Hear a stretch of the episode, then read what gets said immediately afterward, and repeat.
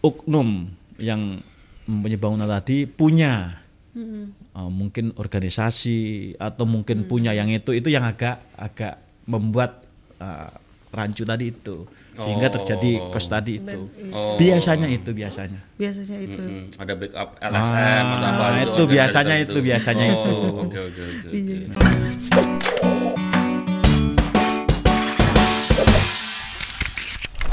Sebelum kita menjadi masuk di ranah satuan polisi Pamung Praja ini tentu seperti apa yang saya katakan eh, mental tadi memang harus mengerti apa itu satpol. Tetapi berjalannya waktu kita selalu briefing Hmm. di Maku itu selalu kita pembekalan Mm-mm. bahwa kita sampaikan hmm, inilah tugas pokok satpol pp. Mm-mm. Kita kasih penjelasan. Tapi yang terpenting bahwa bagaimana kita mengedukasi kepada masyarakat yang memang budaya-budaya arogansi tadi masih ada. Tapi ingat masyarakat tidak boleh disalahkan. Ini yang berat. Saya ini berat. Mm. Hmm. Di internal berat, eksternal juga berat. Mm-mm. Eksternalnya apa? Karena hampir rata-rata yang kita luruskan ini masyarakat kita, saudara kita yang belum lurus. Mm-mm. Belum lurus dalam hal nasibnya. Nah, tentu ini kan ada sentuhan hati. Memberikan edukasi, memberikan pemahaman supaya masyarakat juga mengerti Mm-mm. dan nanti kita pindah pun juga enak. Mm-mm. Nah ini, ini alhamdulillah ini edukasi ini yang kita yang kita kunci pada masing-masing anggota ini agar bisa untuk mengedepankan itu tadi. Iya, kadang kan ada tuh Pak yang yang namanya orang nyari rezeki, Ya. ya kan? Terus rata-rata, mohon maaf nih teman-teman saudara-saudara kita yang eh, menengah ke bawah, penghasilan kecil, mereka harus berjualan di di Trotoar. trotoar ya, yang sebenarnya itu jelas-jelas melanggar hukum gitu loh. Tapi kadang lihat kita melihat juga satpol pp juga di situ dituntut harus tegas gitu loh. Itu apa? eh, hambatan-hambatan ketika menghadapi penertiban terhadap eh, apa warga-warga eh, yang sebenarnya level menengah ke bawah itu gimana Pak? Sering, yang sering terjadi hambatannya apa Pak? Sebetulnya hambatan yang terjadi itu pemahaman eh, pelanggar tadi belum ada sepenuhnya. Mereka ngerti sebetulnya kalau itu salah, ngerti dia tuh, Sebenarnya ngerti ya? ngerti, paham kalau Kalau saya udah, udah ngomong siapa yang Ya. masih makan saya gitu. Bapak mau masih makan saya nih. justru itulah eh, Urusan perut itu sensitif Pak. senjata Satpol PP itu dipayung dengan Perda Peraturan Ketentraman Ganti Umum. Perda Trantibum namanya. Nomor 16 tahun 27 yang menyangkup keseluruhan barang siapa meletakkan membangun di atas pemerintah itu memang dilarang. Mm-mm. Itu yang cita kita. Tapi apabila memang itu uh, saat ini masih ada toleransi pemerintah Kota Batam ini. Mm-mm. Artinya menempati uh, lahan milik pemerintah boleh buka di atas jam 3. Di atas jam 3 silahkan habis itu dikemas kembali sehingga tidak mengganggu yang lain. Karena areal yang ditempati itu bukan miliknya pribadi, milik orang masyarakat Kota Batam. jam 3 sore Jam 3 sore masih ada kelonggar lah. Tempat-tempat tertentu. Bukan berarti ini melegalkan tidak, tapi tadi sosial masih dikedepankan. Alhamdulillah pimpinan Pak Wali ini khususnya memberi toleransi itu. Nah, kami menjadi bawahan ya siap perintah kita laksanakan. Hmm. Perlu saya sampaikan bahwa panglima tertinggi perintah itu ada di wali kota. Di tingkat kota Batam. Kota Batam. Tingkat provinsi Iya. Pak Gubernur. Pak Gubernur. Kalau Pak Wali itu bilang tidak, ya tidak. Iya, iya. Hmm. Oke. Jadi misalkan, misalkan nih Pak, sorry nih, ini Pak banyak penasaran ya. Ya. Misalkan Pak Imam nih, atau harus nertipin kasus kejadian misalnya pasar jodoh. Ya. Di situ atau mungkin anggotanya Pak Imam lah. Di situ ada saudaranya Pak satu Imam. PP yang jualan di situ. Iya, iya, iya. Kalau oh saya nggak ikutan Pak, saya nggak mau nertipin. Misalnya anggotanya gitu ada ada ini nggak? boleh nggak pak Itu tidak boleh. Tidak boleh sama sekali nggak boleh. Iya, oh ada saudara saya, saya nggak tega. Iya, gitu. iya. Tidak, tidak boleh. Walaupun bilang saya saudara Pak Wali Kota, tidak boleh. oh tetap aja tetap ya, aja, oh, tetap aja. Tapi ada nggak kadang yang gitu Pak? Maksudnya? Ada banyak tim susah Pak Wali. Wah, saya tim susah Pak Wali. Nah, ini ada banyak. Tapi kita menjelasi, memberi penjelasan. Justru eh, Bapak Ibu bangga apabila bisa memberi contoh bahwa tim suksesnya atau saudara Pak Wali itu bisa memberi contoh oleh masyarakat banyak. Nah, dibalikkan begitu. Hmm. Selama ini yang paling susah memang mungkin negosiasi seperti itu ya Pak, Wah, ko- komunikasi. ya itu yang yang dibutuhkan talenta ke kepiawaian. Siapa aja yang di Satpol itu harus punya PAW PAW PAW untuk menyelesaikan persoalan itu. Kalau dihantam terus kita dimusuhin. Iya. Kita dimusuhin. Nah kalau tadi kan menyangkut pasti ada eh, komunikasi dulu. Sebenarnya kalau dari dibilang nih eh, tertibkan itu prosedurnya seperti apa sih maksudnya Pak? Apakah itu memang harus ada perintah dulu, terus dikasih surat ini baru berjalan, atau memang mereka diedukasi dulu?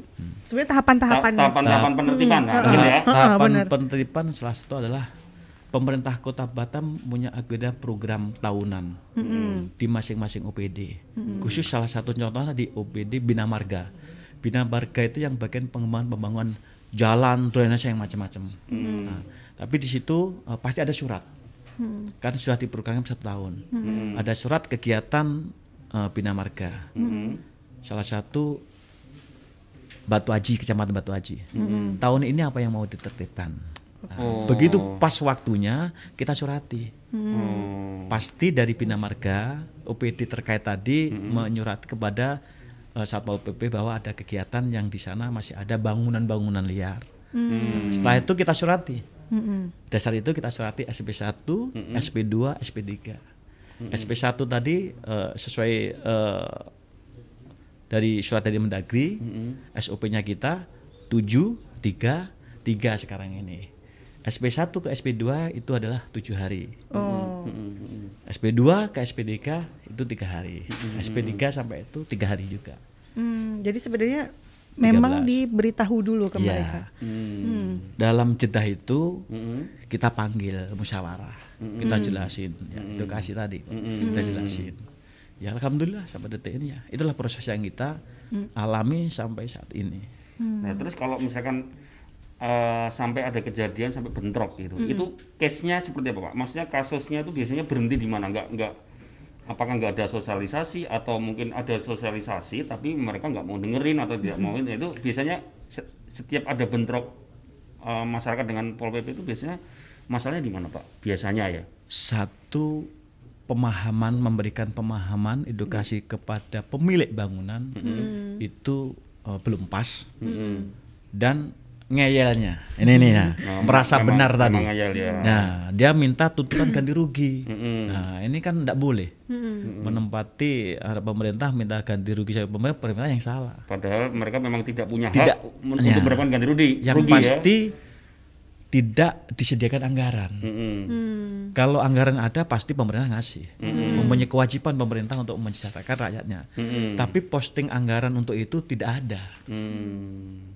Tidak ada. Makanya kalau ke depan kalau masyarakat berontak, Mm-mm. silahkan mengadu ke DPRD Mm-mm. agar juga anggaran tadi dibantu dimasukkan untuk pengganti rumah-rumah liar yang berada di lahan pemerintah. Hmm. Tapi itu mustahil karena apa? Yaitu tadi. Jangankan kok penggantian, dikasih barang gratis saja sekarang itu tengok semua mengaku miskin. Mm-mm. Ini yang, yang problem memang harus diur, diurai ini. Iya. Kalau kalau dapat apa uang pengganti, saya bikin bangunan liar aja di tanahnya pemerintah. Biar dapat duit. Iya, gitu. iya. Ngaku-ngaku ini ya. Betul. Iya. Iya, benar-benar. Nyari duitnya gitu aja. Dan perlu saya sampaikan yang yang paling berat lagi itu apabila oknum yang mempunyai bangunan tadi punya uh, mungkin organisasi atau mungkin punya yang itu itu yang agak agak membuat uh, rancu tadi itu sehingga Oh. terjadi kos tadi itu Oh. biasanya itu biasanya Biasanya itu. Mm-mm. Ada backup LSM Ah, atau apa itu ada biasanya cerita itu, biasanya oh, itu. Oke oke oke. Iya. oke. Kalau mis itu kan tadi kaki apa rumah liar Iya. misalnya kayak gitu. Nah kalau tadi misal ketemu ada yang mungkin maaf pengemis, pedagang kaki lima itu kan biasanya ngelihat aja mobil aja udah pada kabur duluan. Oh, Nah, itu- lihat itu. Satpol Iya, PP udah heeh. Iya. lari. Iya, nah itu yang ketangkep pak, yang dibawa. Nah itu tuh sebenarnya mereka ditindak apa sih? khusus untuk pengemis eh, terus pengamen itu kan domainnya dinas sosial. Dinas sosial. Ya, kita eh, penindakan eh, sesuai dengan kemampuan yang ada cuman sebatas satu satu hari. Satu hari wajib kita kirim ke dinas sosial, Pak. Nanti selanjutnya yang menangani di sosial dia ada pembinaan di sana. Ada pembinaan di Oh. sana. Tapi eh, ini yang khusus juga masyarakat Kota Batam agar juga paham bahwa pengemis tadi itu ada gengnya, ada kelompok-kelompok yang memang itu Mengorganisir. dibentuk ya mengkoordinasi itu sehingga setiap hari itu ada, termasuk juga pengamen. Nah, ini udah kita ketemu udah jajan semua. Cuman kemampuan daripada dinas sosial dalam rangka untuk memberikan makan itu cuman kemarin tiga hari mungkin sekarang dua hari mampu mbak tidak untuk memberikan makan. Kalau kita uh, ambil semua ke dinsos. Oke. Di dalam suri dikasih pembekalan pembinaan habis itu wah, keluar lagi. Penuh sekarang mah penuh. Orang gila orang penuh. Penuh. Apalagi gara-gara pandemi ini ya, Pandemi banyak ini. orang nyari duitnya Nyari duit iya. ke situ, larinya ke situ. semua. Iya, banyak yang apa ngamen. Sana juga ada selnya. Iya iya iya. Sel. iya. Oh, ada salah juga. Ada selnya di sel. Ada. Di sel. Nah, tadi Kalau kamu nggak tertib ditangkap Pak Imam, kamu sel sana nih. ampun, Pak. Pak Imam, Ya. eh, sekarang kan kita lihat ya, eh, kayaknya Satpol PP ini sekarang lagi sibuk-sibuknya. Seminggu seminggu ini sibuk-sibuknya terkait dengan Perwako 49 tahun eh, 2020 terkait dengan eh, apa eh, sosialisasi pe- apa Protokol. protokol kesehatan. Nah, terkait sosialisasi mungkin ngomong sosialisasi dulu ya. Ini sudah sudah sejauh mana? Dengan-dengan ini hari terakhir Pak ya, sosialisasi itu ya. Iya. Dan kemarin kita lihat kalau misalnya saya lewat ke Mega Legenda kebetulan oh banyak satpol PP ngasih-ngasih kayak se- selebaran gitu. Itu sudah sejauh mana? Udah sudah selesai semua Pak? Udah merata sosialisasinya? Setelah ada instruksi dari Bapak Presiden, terus SK Menteri instruksi, Pak Pak Wali Kota langsung merumuskan untuk peraturan wali kota dan alhamdulillah tanggal 1 September kemarin sudah ditatangani. Sebetulnya begitu sudah ditandatangani, eh, begitu diarsipkan sudah berlaku. Tapi eh, tidak begitu juga harus ada sosialisasi. Makanya satu minggu ini ini sosialisasi. Seluruh kepala OPD sudah dibagi habis untuk sosialisasi di 9 kecamatan. Di sebelah sebelah Pak. Sembilan kecamatan tingkat kelurahan, camat bersama-sama dengan unsur muspika yang ada di kecamatan bersama-sama sampai detik ini semua sudah dibagi. Tinggal nanti pelaksanaan sanksinya nanti. Oh. Kapan tim tim ini akan bertindak menegakkan peraturan wali kota tadi. Eh, nunggu satu dua hari ini. Sepertinya satu dua hari ini karena kemarin Pak eh, Wakil menyampaikan saat rapat satu minggu setelah ini ini harus action kita. Nah, soal action. Pak Imam ini kan kalau nggak salah apa ketua satuan apa pengamanan ya? Maksudnya gabungan ya atau gimana, Pak? Ya, untuk Benar itu, tim Pak, ya? ya, Ah, di- untuk tim, tim COVID itu ada di COVID, Satpol PP, Satpol PP. untuk ketuanya. Ketuanya Pak Imam ya? Eh, nanti di lapangan kebetulan ditugaskan saya untuk bertanggung jawab di lapangan. Heeh. Nantinya untuk dalam operasi eh, penindakan peraturan wali kota nanti. Nah, terkait dengan penindakan. Berarti kan tanggal 9 sudah dilakukan penindakan misalkan ada yang melanggar tuh, Pak. Belum. Oh, belum. Ini Oh, yang katanya sosialisasi sampai tanggal 8, Pak. Saat ini yang yang menjadi eh, booming itu seluruh SMS bahwa menanyakan tanggal 9 kita harus ada sanksi kapan belum. Iya. menunggu eh, tim tim nanti bergerak. Tim bergerak kapan? Eh, ini lagi eh, kita sinkronkan dulu eh, satuan yang lain dan Pak Wali karena di situ diamanatkan dalam berwaku bahwa kegiatan seluruh kegiatan ini anggarannya ditanggung dengan APBD. Mungkin hmm, sudah ditandai belum kita juga belum tahu. Kita khawatir nanti kalau kita bergerak terus nanti sarananya belum disiapkan nanti kan menjadi rancu. Yang pasti sampai detik ini kita sudah bergerak ini sosialisasi. Tapi untuk penindakannya belum. Iya, soalnya kan kemarin kita dengar-dengar ya kan Oh, besok Rabu kalau nggak pakai masker siap-siap denda Denda, dua ratus lima puluh ribu. eh. Siap-siap Itu masih ya. tahap sosialisasi. Hah? Sampai saat ini masih dat- da- tahap sosialisasi kepada baik pasar, tempat-tempat eh, areal publik, umum masih. Yang pasti yang boleh menindak nanti adalah tim. Tim ini terdiri dari Satpol PP, Satpol PP, polisi, polisi, jaksaan, Kejaksaan TNI, juga, TNI. Nah, nanti juga ada OBB lain yang terkait. Oh. Tidak boleh sembarangan, ngasal nindak tidak Iya. boleh. Jadi hati-hati kalau yang nggak Nah. tertib atau nggak 4M ya, Hmm. memakai masker, mencuci tangan, menjaga jarak, satu lagi apa ya? Ada 4M kalau di Perwako 49 tuh. Ya, untuk menghindari kerumunan massa. Ya, Oh, iya. menghindari kerumunan Kerumunan massa. massa. Jadi ketika kita tidak di 4M itu, tiba-tiba ada Pak Imam atau Pol PP atau TNI atau Polri, ya udah hati-hati ya. Berarti kalau nongkrong-nongkrong di itu nggak boleh ya Pak? Boleh. Kan itu boleh, kerumunan nih Pak. kalau boleh, tapi kalau berkerumun nggak jaga jarak ya Oh itu nggak tertib itu. Kemarin juga yang menjadi eh, apa perdebatan eh, dalam merumuskan itu terkait dengan sanksi. Mm-mm. Dengan sanksi itu sudah selesai. Terus mengenai eh, kerumunan massa Mm-mm. itu kan budaya kita kan masih belum ini. Iya iya. Ditekankan mereka kemarin itu adalah pakai masker dulu. Kalau social distancing itu masih nanti eh, bias karena aturan itu kan digunakan untuk kepastian hukum dan untuk menyadarkan masyarakat dan untuk menenteramkan. Mm-mm. Itu yang intinya. Mm-mm. Nah, untuk itu kemarin eh, pimpinan Pak Wali selaku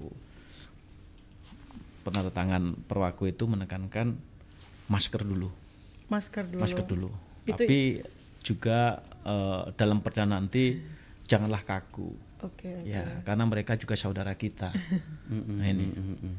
Oh, Ketika ada yang pakai, mungkin dia bawa masker nih Pak, tapi nggak dipakai. Nah ya, itu tetap kan nggak tertib itu. sering pasti dia saya bawa kok Pak, tapi saya nggak pakai. Ada ada beberapa sanksi perorangan maupun badan hukum dan para pengusaha. Kalau pribadi itu apabila makan, nah, itu yang terpenting melekat di badannya ada masker. Karena takut makan kan nggak mungkin makan harus pakai masker. nah, ini boleh. boleh boleh boleh. Di mobil umpamanya dia Nah, di mobil kita itu. rahasia nanti ada nggak maskernya dan pribadi persiapan. Oh ada pak karena di mobil itu pengap itu boleh. Oke. Oh. Boleh. Oh, Oke. Kita Meskipun nggak, di- kita denda. mes- Meskipun nggak dipakai di Nggak mobil, dipakai, yang penting tapi dia ada. Ada. Ya. Oh. Iya, soalnya kadang ngeliat di TV loh, orang-orang ngeliat mobil oh, ditangkap ya gitu kan. Itu karena Ditanya dulu. Oh, tapi ditanya dulu. Bawa Tanya apa dulu, enggak? Bawa apa tidak? Kalau tidak kena dia. Oh, saya bawa satu box, Pak. Udah tak sa- taruh di dashboard. Nah. Nanti kalau ada satpol pp nahan aku tak kasih nah, malah. iya iya. Tapi masih belum tahu kapan ininya ya Pak. ya. ya, nunggu nunggu nunggu nanti sambil berjalan Ya. lihat prosesnya nanti. Pak Imam nanti akan update. Ya. Mm. Pak punya pengalaman kalau misalnya kan selama ini eh, image ya Pak. Kalau ngelihat kalau saya aja takut Pak. pada waktu itu belum kena Pak Imam Pak. Udah lari dulu kan kaburnya ada satpol pp. nah pernah nggak sih di jalan tuh lagi pakai baju ini terus dibenci gitu sama orang? Ya dibencinya mungkin Dinyinyirin. Wah, pernah nggak Pak? Ada, ada, Kita kan sering juga ke pasar, sering juga eh, makan di tepi jalan. Mm. Ada oh, oh, itu Pak Imam Satpol PP itu yang tukang gusur. Wah, itu juga ada dek juga. Oh, ada gitu ya, Pak. Tapi kita sampaikan jangan salah. Oh. Satpol bukan menggusur, tapi menertibkan, menertibkan. Nah, Berarti Eh, Satpol PP itu juga manusia. iya, sebenarnya Nggak asal-asal ya. satpol pp ini apa polisi yang paling tabah. iya, aku malah melihatnya itu. Iya. Iya. Udah nggak dikasih senjata, atau tapi langsung berhubungan langsung dengan masalah-masalah di masyarakat. Iya benar. Iya tuh? Sering dinyinyirin. Wah, juga. itu udah makanannya lah, makanannya. Betul, betul, betul. Tapi Ada- kita harus tabah. Hmm. Mm-mm. Ada upaya nggak sih Pak? Maksudnya ini kan ya tadi itu dibenci masyarakat negatif aja dianggap tukang gusur segala macam tapi ada nggak sih upaya-upaya yang dilakukan nih supaya citra kita citra satpol pp ini kembali lagi gitu. Mm, kesan kan kadang di wah satpol pp arogan. Apa eh, Tukang pukul. melak- melakukan tidak kekerasan ke masyarakat. Nah itu kan sering banget pak kan di itu. Justru eh, dengan situasi kondisi ini kita ke dalam kita tarik, kita bekalin adik-adik kita kesusahan tentang tugas eh, fungsi satpol pp tadi. Dengan benar tadi di samping itu juga memberikan pemahaman secara pribadi saya sendiri apabila di tempat umum atau kita diundang selalu kita sampaikan hmm. jangan pernah mengecap satpol pp tukang gusur jangan Mm-mm. jangan satpol keberadaan untuk menata untuk menertibkan agar tatanan kota ini menjadi bagus. Betul, betul. Karena zona yang ditempati itu bukan milik pribadi, tapi milik umum yang harus ada yang diperhatikan. Siapa orang jalan, orang lewat ini. Nih, Iya. selalu itu. Iya, katanya sebuah apa kemajuan dan ketertiban sebuah kota itu memang harus ada ketegasan dari penindak dan petugas eh, anu apa penertib ya, maksudnya. Iya, eh, yang ketika ketika lapangan, kota ya. itu nggak nggak ada apa petugas yang menertibkan, ya pasti kota itu akan kacau. kacau sih nggak kebayang Iya. eh, ininya Nggak ada denda, nggak ada aturan hukum, nggak ada penindak, ya Iya, pasti iya. akan kacau. iya Bayangin aja kalau nggak ada satpol pp nih, ya tak? iya bener Eh, Nah, kan? kita nggak bisa jalan di trotoar ya pak Ah. banyak Banyak yang menjadi raja kecil. Ya, ah. Raja kecil.